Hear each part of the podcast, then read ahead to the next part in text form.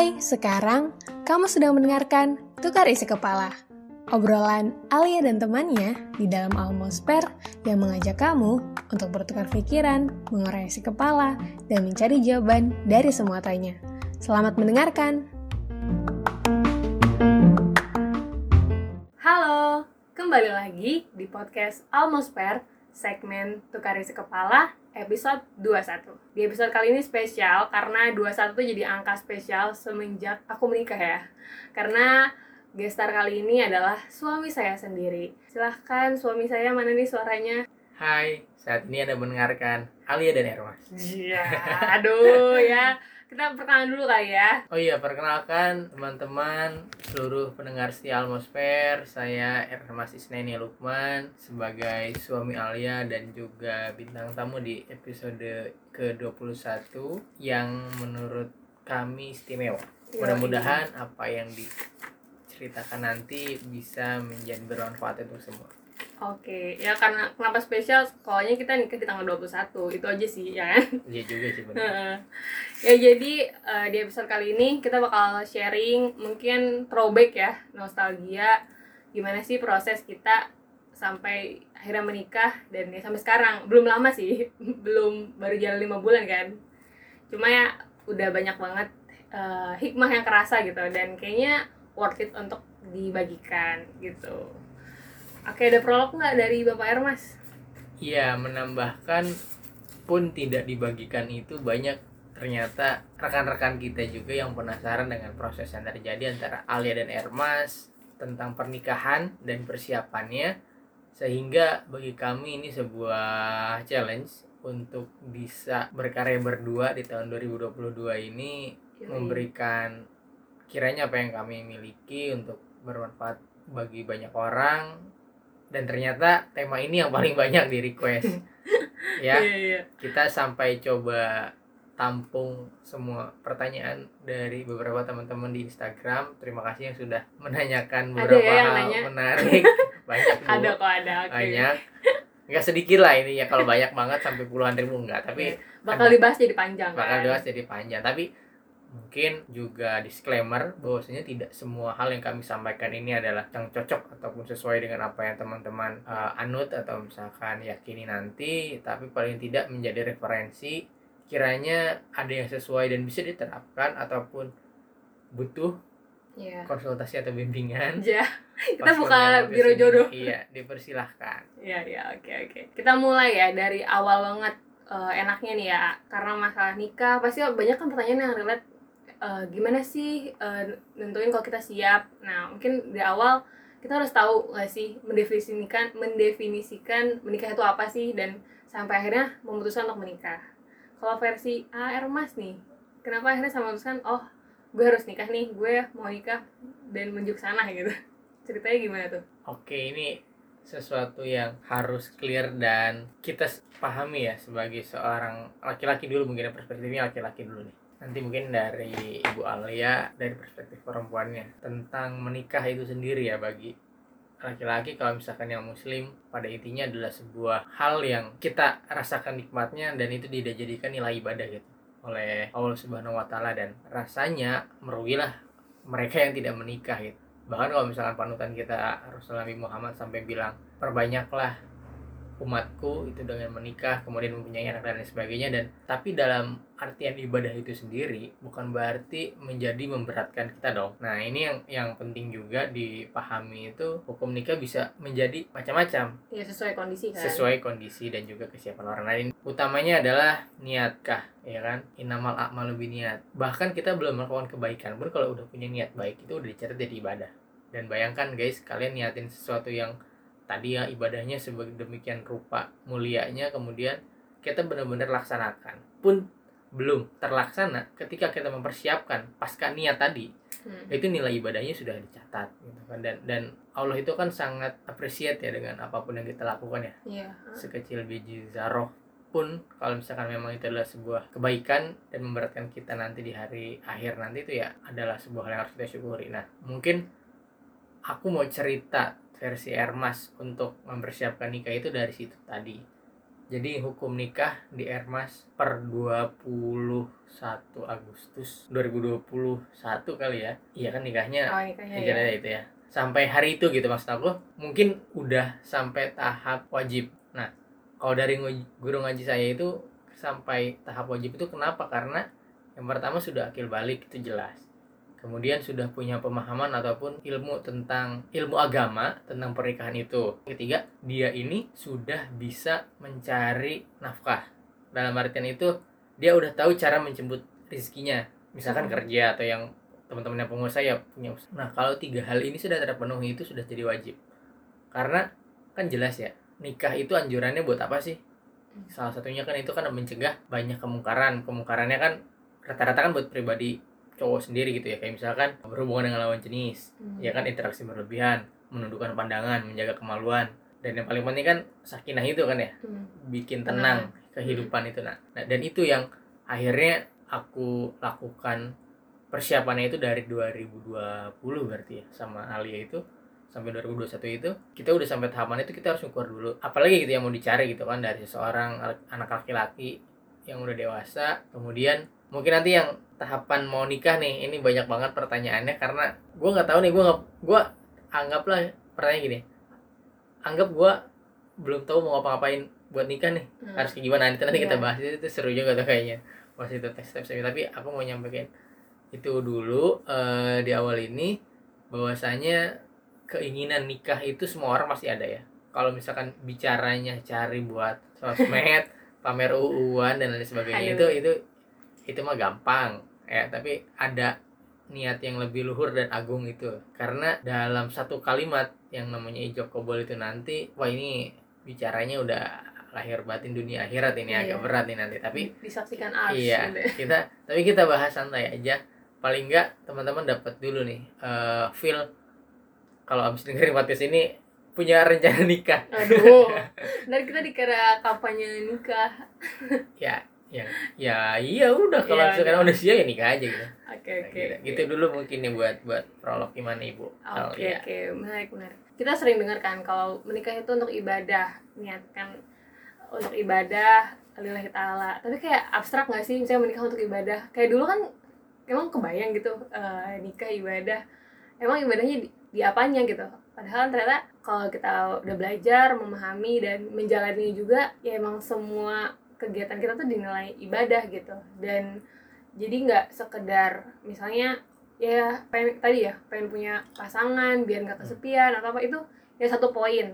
Bisa jadi alasan juga tapi ada alasan yang jauh lebih besar gitu. Dan itu ya tadi di jab kabul itu. Tapi ini kayaknya materi banget ya sih ya Iya awal aja. Iya oke awal aja ya. Dasarnya aja. Iya iya uh, tapi sebenarnya kan pertanyaan orang kan banyaknya teknikal ya. Berarti kan dalam Iya. artian pada umumnya orang sudah tahu Mbak. mm-mm. tapi kita meyakinkan hal ini penting karena kenapa? Jangan sampai dalam proses yang menurut aku juga perlu dijaga kesucian ya. Itu karena teman-teman kan juga banyak yang nanya tuh ya. Gimana cara dalam proses menuju pernikahan tetap terjaga gitu hubungannya gitu nggak berlebihan dan lain sebagainya. Nah maksud aku bayangkan cuy udah ibaratnya gini lu udah ngobrol panjang lebar udah mau nyiapin nikahnya kayak gimana karena niatnya dalam artian nggak clear terus banyak godaan apalagi mau nikah kan jelas. Mm-mm. ya karena kita nggak punya dasar yang kuat ya nggak jadi nikahnya cuma gara-gara itu loh iya Nah, iya itu kan sepele maksudnya sepele itu ketika sudah di tengah tapi kalau di awal itu kan sesuatu yang dasar Hmm. yang kuat dan banget sebenarnya suatu amalan tuh dinilai bagaimana akhirnya gitu Iya, betul, cuma betul, awalnya betul. jadi akhirnya tuh dia happy ending atau enggak kayak kita kan ya kalau meninggal pengennya husnul khotimah gitu ini Iya. jadi kayak kajian happy ending means sampai nikahnya dulu ya makanya Iya. kan tadi aku sebut waktunya Heeh. kayak sampai hari nikah jadi ya mungkin kita coba dalami di situ karena pertanyaan teman-teman banyak karena aku yakin mungkin teman-teman juga sudah banyak yang sedang melakukannya yoi tapi butuh perspektif lain tapi dipersilakan oke oke oke Kalau dari aku ya, kenapa memutuskan menikah? Tadi udah dijelasin nama dan setu- setuju. Tadi ya harus mengukur diri dan tahu nih, oh kita udah berada di tahapan mana. Kalau aku mungkin rasanya udah sunnah muakadah dan ya menikah itu kan baiknya jangan ditunda-tunda ya. Apalagi udah ada calonnya misalnya, nggak buat apa ditunda gitu. Dan terus sebenarnya apa sih ya awal yang harus kita siapin buat nikah nih? Kan mungkin orang mikirnya, oh harus ada calonnya dulu, terus harus punya uang dulu buat mahar dan segala macam harus punya rumah dulu nah kalau dari AA sendiri menurut AA atau dari hasil pembelajaran selama ini ya step awal untuk memutuskan oh aku mau berproses untuk menikah itu apa sih Iya, yang jelas kita harus kenal diri diri dulu ya. Jadi mungkin coba aku sederhanakan dengan berbagai indikator buat teman-teman mungkin yang laki-laki sih. Kayak tadi kan di awal bicaranya sudah dasarnya ya, hukum nikahnya, niat nikah, tujuan nikah gitu. Nah, sekarang kita semakin ke technically apa sih yang perlu dipersiapkan oleh orang yang mau menikah begitu mungkin ya versi aku nih aku bagi ketiga hal besar yang semuanya ini berkesinambungan dan perlu dipersiapkan. Dan tadi tadi ya persiapannya itu ya nanti setelah kita ngukur diri. Dari tiga hal itu yang pertama adalah tentang mental yang kedua tentang physical dan spiritual yang ketiga tentang finansial. Nah aku bahas berurutan dulu dari yang pertama tentang mental Nah, mental ini maksudnya adalah will-nya atau keinginannya kita nikahnya gitu. Seberapa pengen, seberapa nanti kita komitmen buat jalanin proses pernikahan. Karena menuju proses pernikahan itu lumayan capek. Meskipun mungkin waktunya teman-teman bisa buat singkat, tapi akan ada alur cerita yang menarik kayak yang awalnya seneng kemudian udah mulai pusing nih nentuin ini itu segala macam banyak perbedaan antar keluarga aduh dan lain sebagainya gitu dan ya mohon maaf misalkan Allah kan maha membolak balikan hati ya suatu saat tiba-tiba ilfil gitu sama calonnya atau misalkan aduh bad mood banget kayak ngerespon dan lain sebagainya. Itu kan lumrah terjadi. Tapi mental yang dimaksud ini adalah kesiapan kita untuk bertanggung jawab dengan keputusan kita ke depan. Karena menikah itu kan menerima orang lain ya. Nah dan ini yang kita mungkin yang biasanya laki-laki nih hidupnya bujangan itu kan cenderung berantakan tidak beraturan Bebas gitu ya. bebas. Kemudian harus menerima seseorang yang mungkin dia sukai dia punya ketertarikan dia sayangi dia cintai itu harus berbagi seluruh hidupnya gitu dengan dia. Dan saya menganut asas tersebut bu gitu. Jadi ya ketika udah punya istri ya istri adalah bagian dari hidupku gitu. Jadi ya ya separuh hidupnya Hermas itu Alia gitu. Dan itu yang jadi apa ibaratnya ya termindset gitu. Gue bakal kayak gitu dan gue bakal lakukan apa pun untuk hal tersebut. Jadi mentalnya itu dulu tadi ya harus siap. Karena bicara mental apalagi sekarang kan soal mental health ini kan hmm, Lagi- tracing issue. ya gitu jadi penting juga biar kita tetap waras bahwasanya apa yang kita pengen ini bisa tercapai dan yang jelas terukur gitu juga kan jadi jangan muluk-muluk juga gitu misalkan Hmm. tadi pertanyaan Ale itu sebenarnya kan opsional ya calonnya dulu atau kita nyiapin apanya dulu gitu kan ya ya itu kan diukur dari kitanya gitu kan Iya. karena kan aku meyakini bahwasanya jodoh adalah cerminan diri kita itu benar banget ya mungkin Alia itu adalah Hermes versi cewek atau sebaliknya gitu. Hermes ini adalah Alia versi cowok gitu. Nah bayang nggak kalau misalkan kamu dapat lawan jenis yang modelnya kayak kamu gitu? Nah paling nggak kan begitu ya. Hmm. ya kan udah dijanjikan kan? Pun misalkan memang harus menikah kemudian tidak berjodoh kan itu lain cerita ya. Iya. tapi kamu kan ini mempersiapkan loh. Kamu nyari orang yang kamu pilih. Dan dan aku nekanin ini waktu itu sama Alia. Punya prinsip masing-masing ya. Kayak cowok itu kan bebas milih ya. Hmm. Bayangin cuy. Sekarang populasi cewek mungkin lebih banyak dari cowok kan? Dan lu boleh milih siapa pun ya kan? Mau gadis mau janda mau yang tua mau yang muda gitu kan? Lu punya pilihan itu. Tapi ketika lo milih satu orang itu kan komitmen lu diri sama diri sendiri gak sih? Bahwasanya ya dia nih yang jadi pendamping hidup gue sampai selesai nanti gitu ya? Kayak gitu. Tapi di satu sisi cewek dia juga punya hak untuk menolak coy. Ya ini nanti mungkin hal yang lebih jelas. Tapi dalam artian gini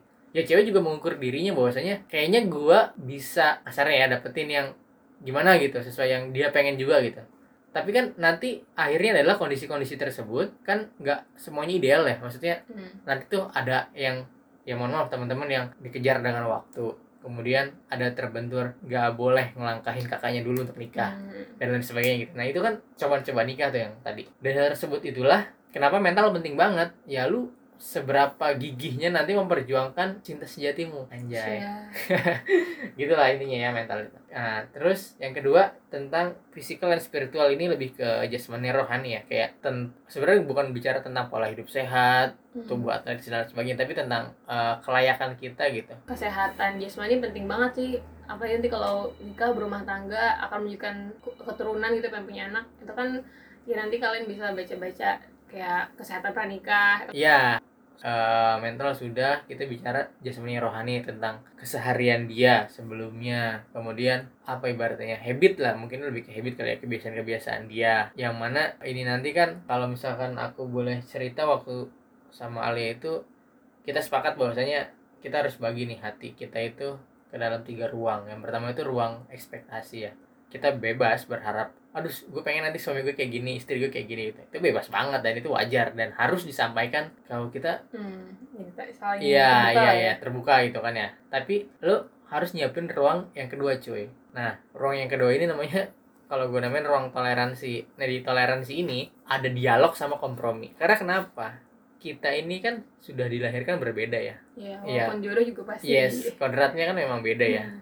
men's from Mars ya kan? Woman from Venus. Venus. Jadi ya kita asalnya udah beda. Tapi maksudku gini perbedaan ini selesai dengan lu cara lu ngobrol. Sekalipun pahit tapi ketika itu sudah dibahas itu menjadi clear. Ya nggak sih? Iya iya.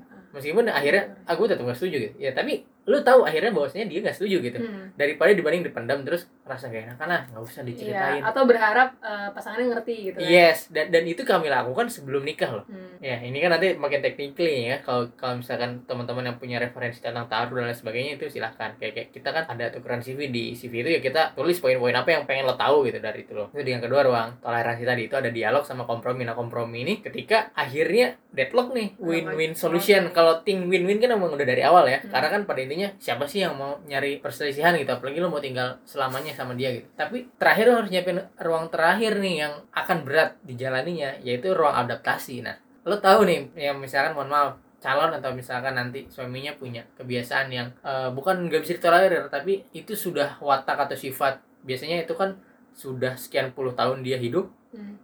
ya orang kenalnya dia begitu gitu nah itu kita harus terima dan kita harus adaptasi dengan suami kita dengan istri kita gitu dengan apa yang dia punya gitu nah jadi dari fisikal sama spiritual tadi. Itu tadi ya itulah kurang lebih tergambarkan orangnya kemudian gimana cara dia itu mungkin ibadah ya atau di hadapan Tuhan tuh gimana gitu. Karena kan itu penting juga ya. Karena ya bicaranya udah tadi dunia akhirat gitu kan. Dan yang terakhir finansial. Finansial ini means kan lo punya uang seberapa karena banyak juga kan nanya minimal Hmm. budgetnya berapa sih segala macam. Harus punya rumah dulu nggak yes gitu. iya kita punya hitungannya. Tapi bukan berarti itu sebuah patokan yang standar mati gitu enggak Hmm. karena balik atau ke- ada minimal buat nikah gitu kan ah kesesuaiannya gitu Iya. Karena pasti disesuaikan dengan gaya hidupnya, maunya kayak gimana, dream weddingnya, lah itu beda urusan lagi. Nah, kalau ngomongin soal finansial, kayak kita gitu ya, Mas. Kita fair tentang keuangan itu dari awal. Kalau Hmm. misalkan merasa ini akan jadi halangan buat kita, tapi bukan menganggap hal ini untuk dikemukakan di awal loh. Karena Hmm. hal ini menurutku paling Sensitif. sensitif, tapi relatif lebih mudah dicari solusinya. Iya nggak? Hmm. Sederhananya ya, lo nggak punya duit, lo menjaminkan sesuatu hal, lo bisa dapat duit. Hmm. Ekstrimnya kan begitu loh.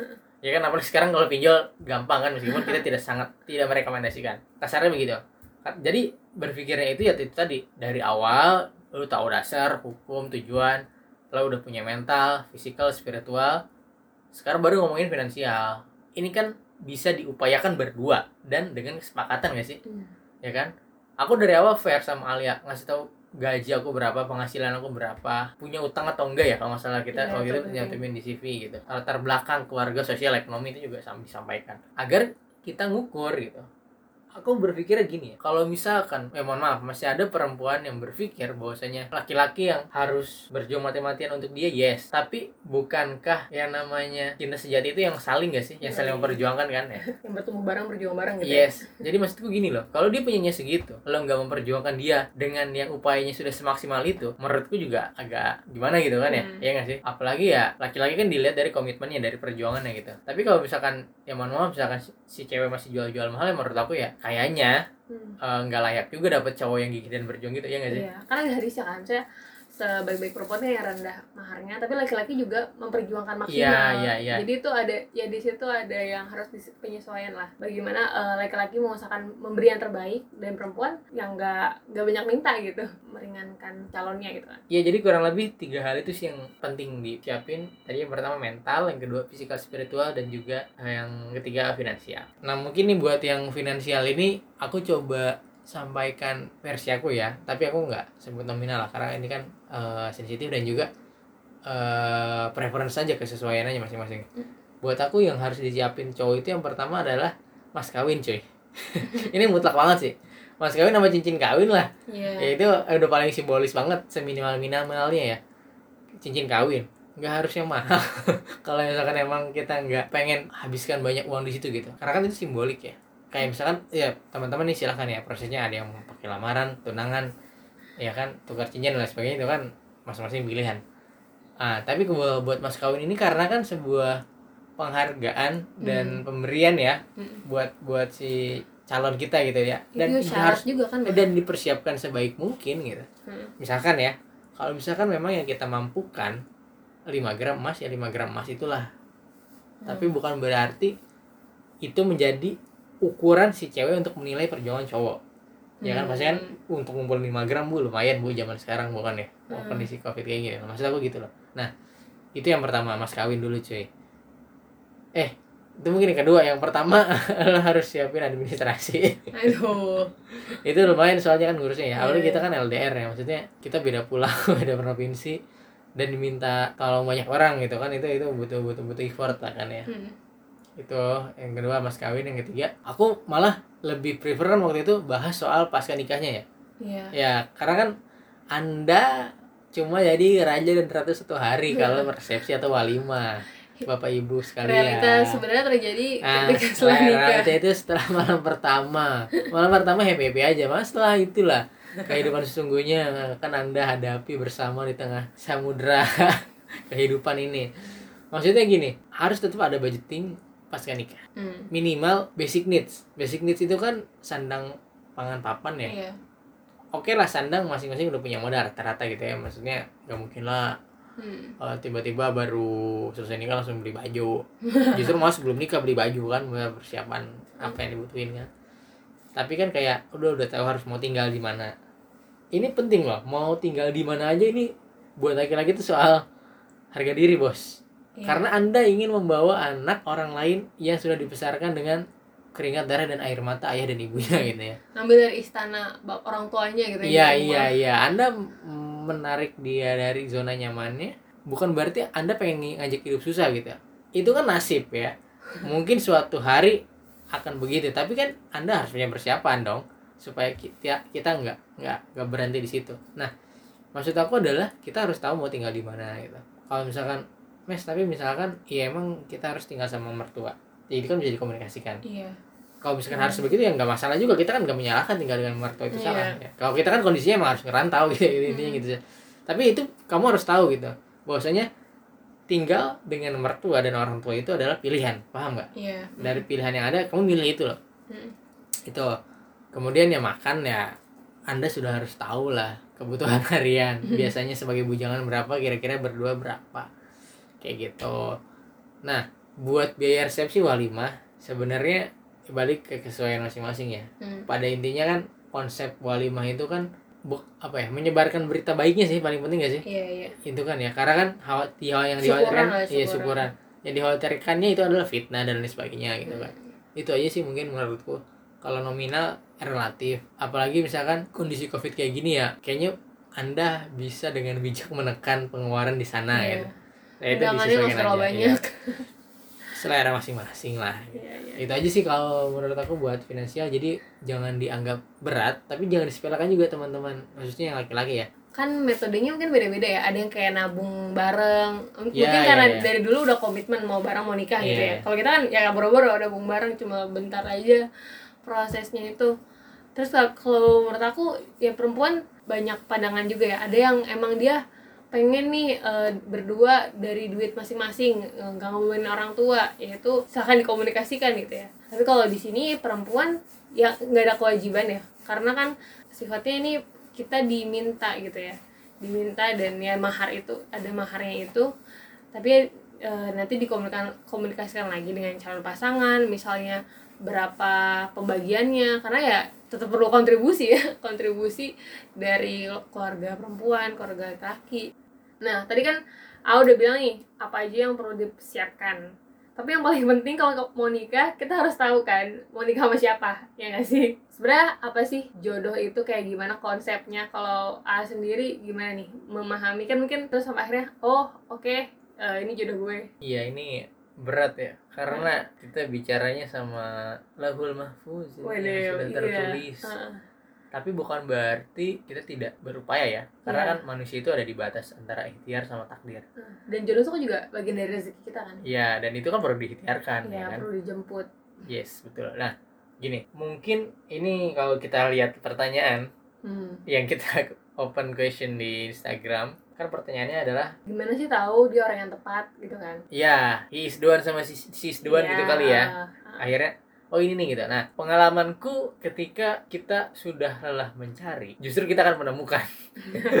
Itu sih Iya. pengalaman banget ya. Maksudnya aku gini loh sama aku sama Alia. Bukanlah orang yang awam dengan hal kayak taruh proses nikah dan lain sebagainya gitu. kita sudah punya pengalaman masing-masing gitu. Dan dalam pengalaman itu jadi pembelajaran gitu di proses yang ya alhamdulillah terakhir ini gitu nikah jadi gitu. Bahwasanya eh, kalau kita bicara tentang konsep mengenal diri kemudian ternyata ada di sekitar kita yang cocok banyak hal sama kita kemudian kita nyaman sama dia. Bicaranya bukan soal tentang banyak kesamaan aja sih sebenarnya ya. Iya. kayak banyak banyak banyak faktor faktor lain juga ya. Kayak misalkan keluarga yang kenal dan lain sebagainya gitu. Tapi dalam proses mencari ini kan jelas ya laki-laki itu kan melihat perempuan itu kan dari empat hal ya. Yang pertama lo harus naksir atau suka.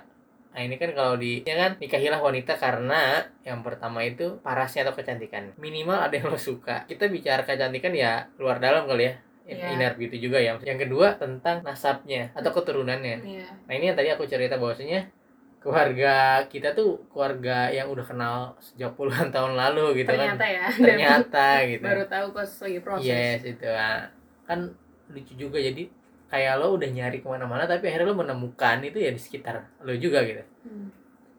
ah apalagi ya mohon maaf yang keluarganya masih eh, menganut hal-hal adat ya kan Hmm. istiadat dan tradisional lainnya yang menganggap harus ini segala macam ini perlu dipertimbangkan tentang nasab ini ya keturunan ini kan kemudian yang ketiga ini hartanya Hmm. harta ini sebenarnya kalau aku definisiin bukan soal uang ataupun finansial dan lain sebagainya tapi tentang apa yang dia miliki itu bisa berupa skill kemampuan ya kan kekaryaan yang mana ini nanti akan jadi salah satu menurutku ya pilar penting keluarga juga jadi bahwasanya kan menjalani rumah tangga itu kan ya minimalnya kan berdua Hmm. kebayang gak sih kalau misalkan ya oke lah ada ketergantungan itu sesuatu yang wajar ya Iya. tapi ketika lo tidak bisa mandiri sebagai individu atau orang yang merdeka sebelumnya, ya itu PR juga gitu kan. Makanya kan banyak yang ngasih materi tuh ya kalau nikah harus selesai sama dirinya sendiri gitu. Iya. Itu benar tapi nggak mutlak fully complete gitu. Ya Nah. nggak sih? Justru kekurangan kita dilengkapi sama pasangan ya. Iya. Gimana Bu? dan kalau aku sih ngerasanya justru eh, setelah menikah malah semakin menemukan diri gitu Yes, iya iya. karena mungkin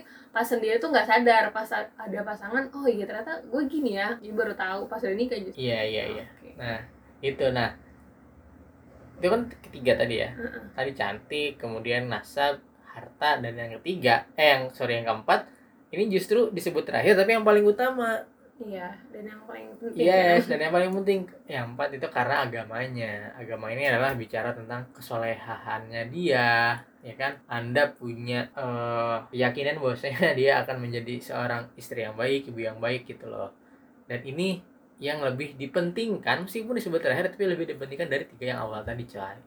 Nah, jadi mungkin itu kemudian dalam proses mencarinya nih, ya kan? Hmm. Kita kan selalu riskan ya aduh. Ya mohon maaf ya kayak beberapa eh, temen yang cerita sama aku gitu. Sebenarnya dia kenapa harus sampai minder gitu loh? Maksudku gini kan semua orang jodohnya sudah ada gitu ya dan Hmm. udah diciptakan berpasang-pasangan mungkin usaha dia buat nyari yang tipenya dia Hmm. ataupun yang sesuai kriteria dia atau dengan kemampuan dia itu ya kurang. Paham gak Iya. sih? Jadi sebenarnya kan boleh aja kan kita punya kriteria? Iya, iya, nggak apa-apa. harus dong. Justru justru harus. Hmm. kayak contoh misalkan kamu apa? Ah, ada tuh panjang nanti Nah, Oh iya, nah nanti itu dibahas ya, lebih teknik lagi.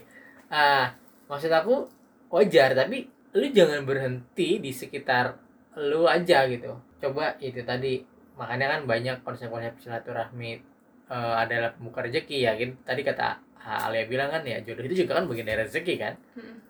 Apakah ada orang yang dalam rezeki tidak ada jodoh? Itu kan ngobrol alam tuh. Iya, Iya iya. kan itu. Karena Bisa kan tadi iya. jadi di surga Iya, karena itu tadi kan kita kan ini bicaranya sesuatu yang apa ya? Dengan kekuasaan tapi bukan berarti tidak diperjuangkan.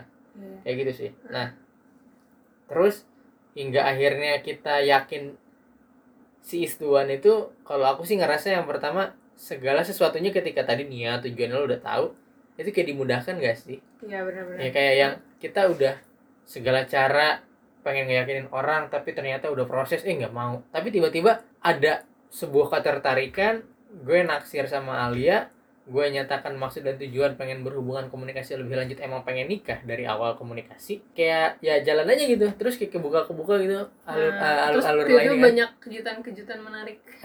Iya gitu loh itu ya. Tapi memang ada tips yang berbeda ketika kita komunikasi sama orang yang interest sama-sama interest ya. Hmm. kalau misalkan suka langsung mungkin kalau yang udah kenal lama iya. aku sama Alia tahu lama. Hmm. cuma tapi tahu doang. tahu doang gitu. Tapi kenal dalamnya ya pas dalam proses nikah ini itu kayak eh sama gitu. Ya nggak sih? Kayak kayak vibes itu emang kerasa Iya. beda banget kan? Langsung ya mungkin ada magnet-magnet Iya. radar-radar iya iya itu Radar radar. Neptunus. Nah itu loh. Emang kerasa banget kayak ngobrol meskipun beda pendapat tapi topik obrolannya sama nyambung. Hmm, ya iya. kan? Dan dan bukan berarti maksudnya gini loh.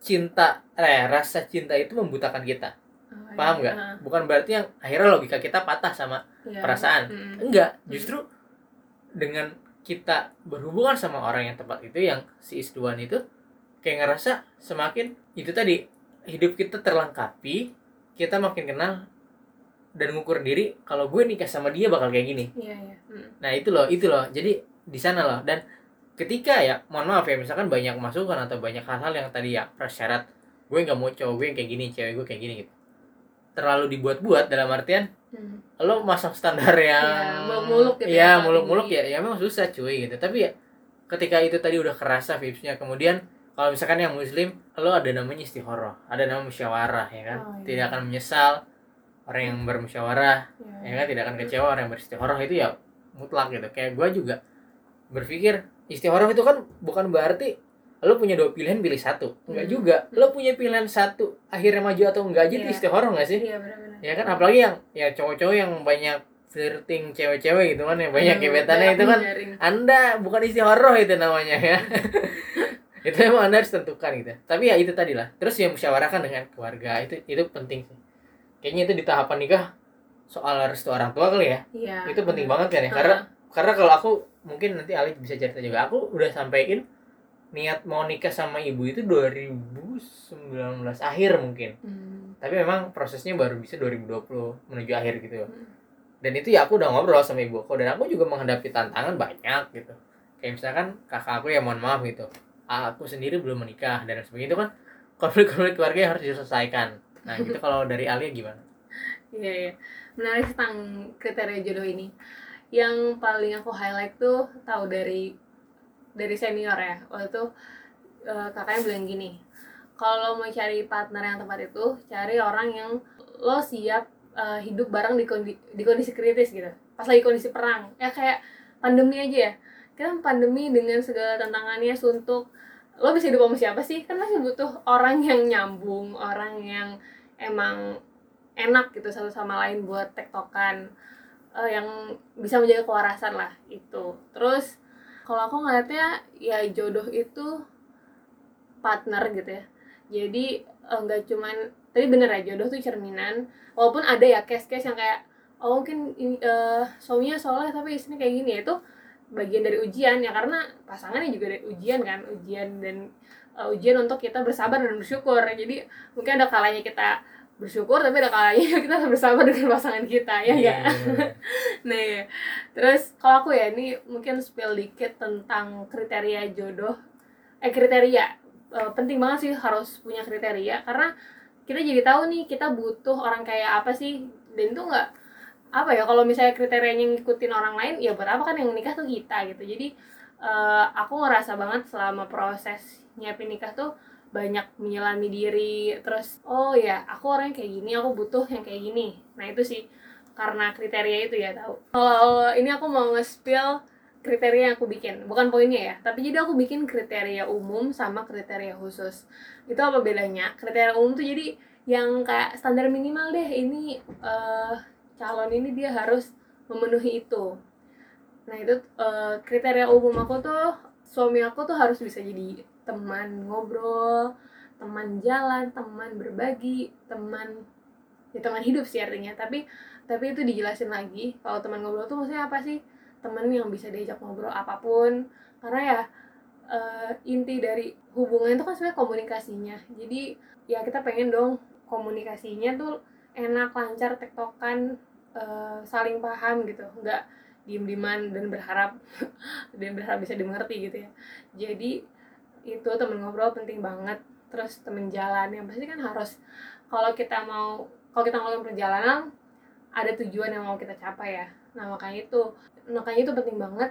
Kita punya partner jalan yang emang tujuannya sama. Oh oke eh, kita mau ke situ ya udah kita jalan bareng. Nah itu definisinya teman jalan. Terus teman berbagi karena kita tinggal satu atap gitu ya. Berbagi segala hal segala kondisi segala emosi. Nah itu sih jadi eh, balik lagi ya karena hidup kita setelah menikah itu bersama orang lain bahkan untuk orang lain eh, banyak yang harus saling dikorbankan dan saling berjuang gitu ya. Makanya penting banget kita saling berbagi saling berbagi lahir batin gitu ya. Itu sih tiga poin utama ya di kriteria umum. Kalau kriteria khususnya yaitu rahasia kepribadi. Bisa disesuaikan sama eh, preferensi terus juga yang paling penting dari kriteria nggak cuman kriteria yes aja ya. Nggak cuman hal-hal yang kita pengenin. Tapi penting banget apalagi buat kalian cewek kita punya hak untuk memutuskan entah menerima atau menolak ya. Nah penting banget kita punya kriteria no atau blacklist kriteria gitu. Dan aku punya eh, kayak misalnya aku inget banget tiga kriteria yang masuk blacklist kriteria itu. Kayak misalnya ngerokok berkata kasar kecanduan pornografi itu big no banget. Dan kalau kita punya blacklist kriter- kriteria ini kan enak ya. Kita udah bisa fil- ngefilter dari awal. Dan itu hal yang pertama aku tanyain sih. Jadi setelah tukeran CV taruh gitu kan udah saling baca screening ya aku nanya ini ini kamu aman gak dari tiga hal ini? Gitu. Terus ya oke aman. Bisa lanjut ke obrolan lain penjajakannya. Iya tentang calon ini menariknya menurutku opsional ya. Bisa siapin di awal atau bisa siapin di akhir. Tapi dalam artian balik lagi ke diri kita nikah itu bukan sama siapanya. Ya tapi emang tentang kita ya udah siap ngerasa siap. Jadi ketika nanti jodohnya datang atau ya itu tadi ya rezeki tidak dari arah yang kita duga-duga gitu loh. Mm-mm. tiba-tiba datang ke hidup kita kemudian ya kita ngerasa ada ketertarikan dan gak taunya itu emang yang udah ditakdiri sama kita gitu. Dan kita ketika udah siap ya itu semakin enak kan ngejalaninnya.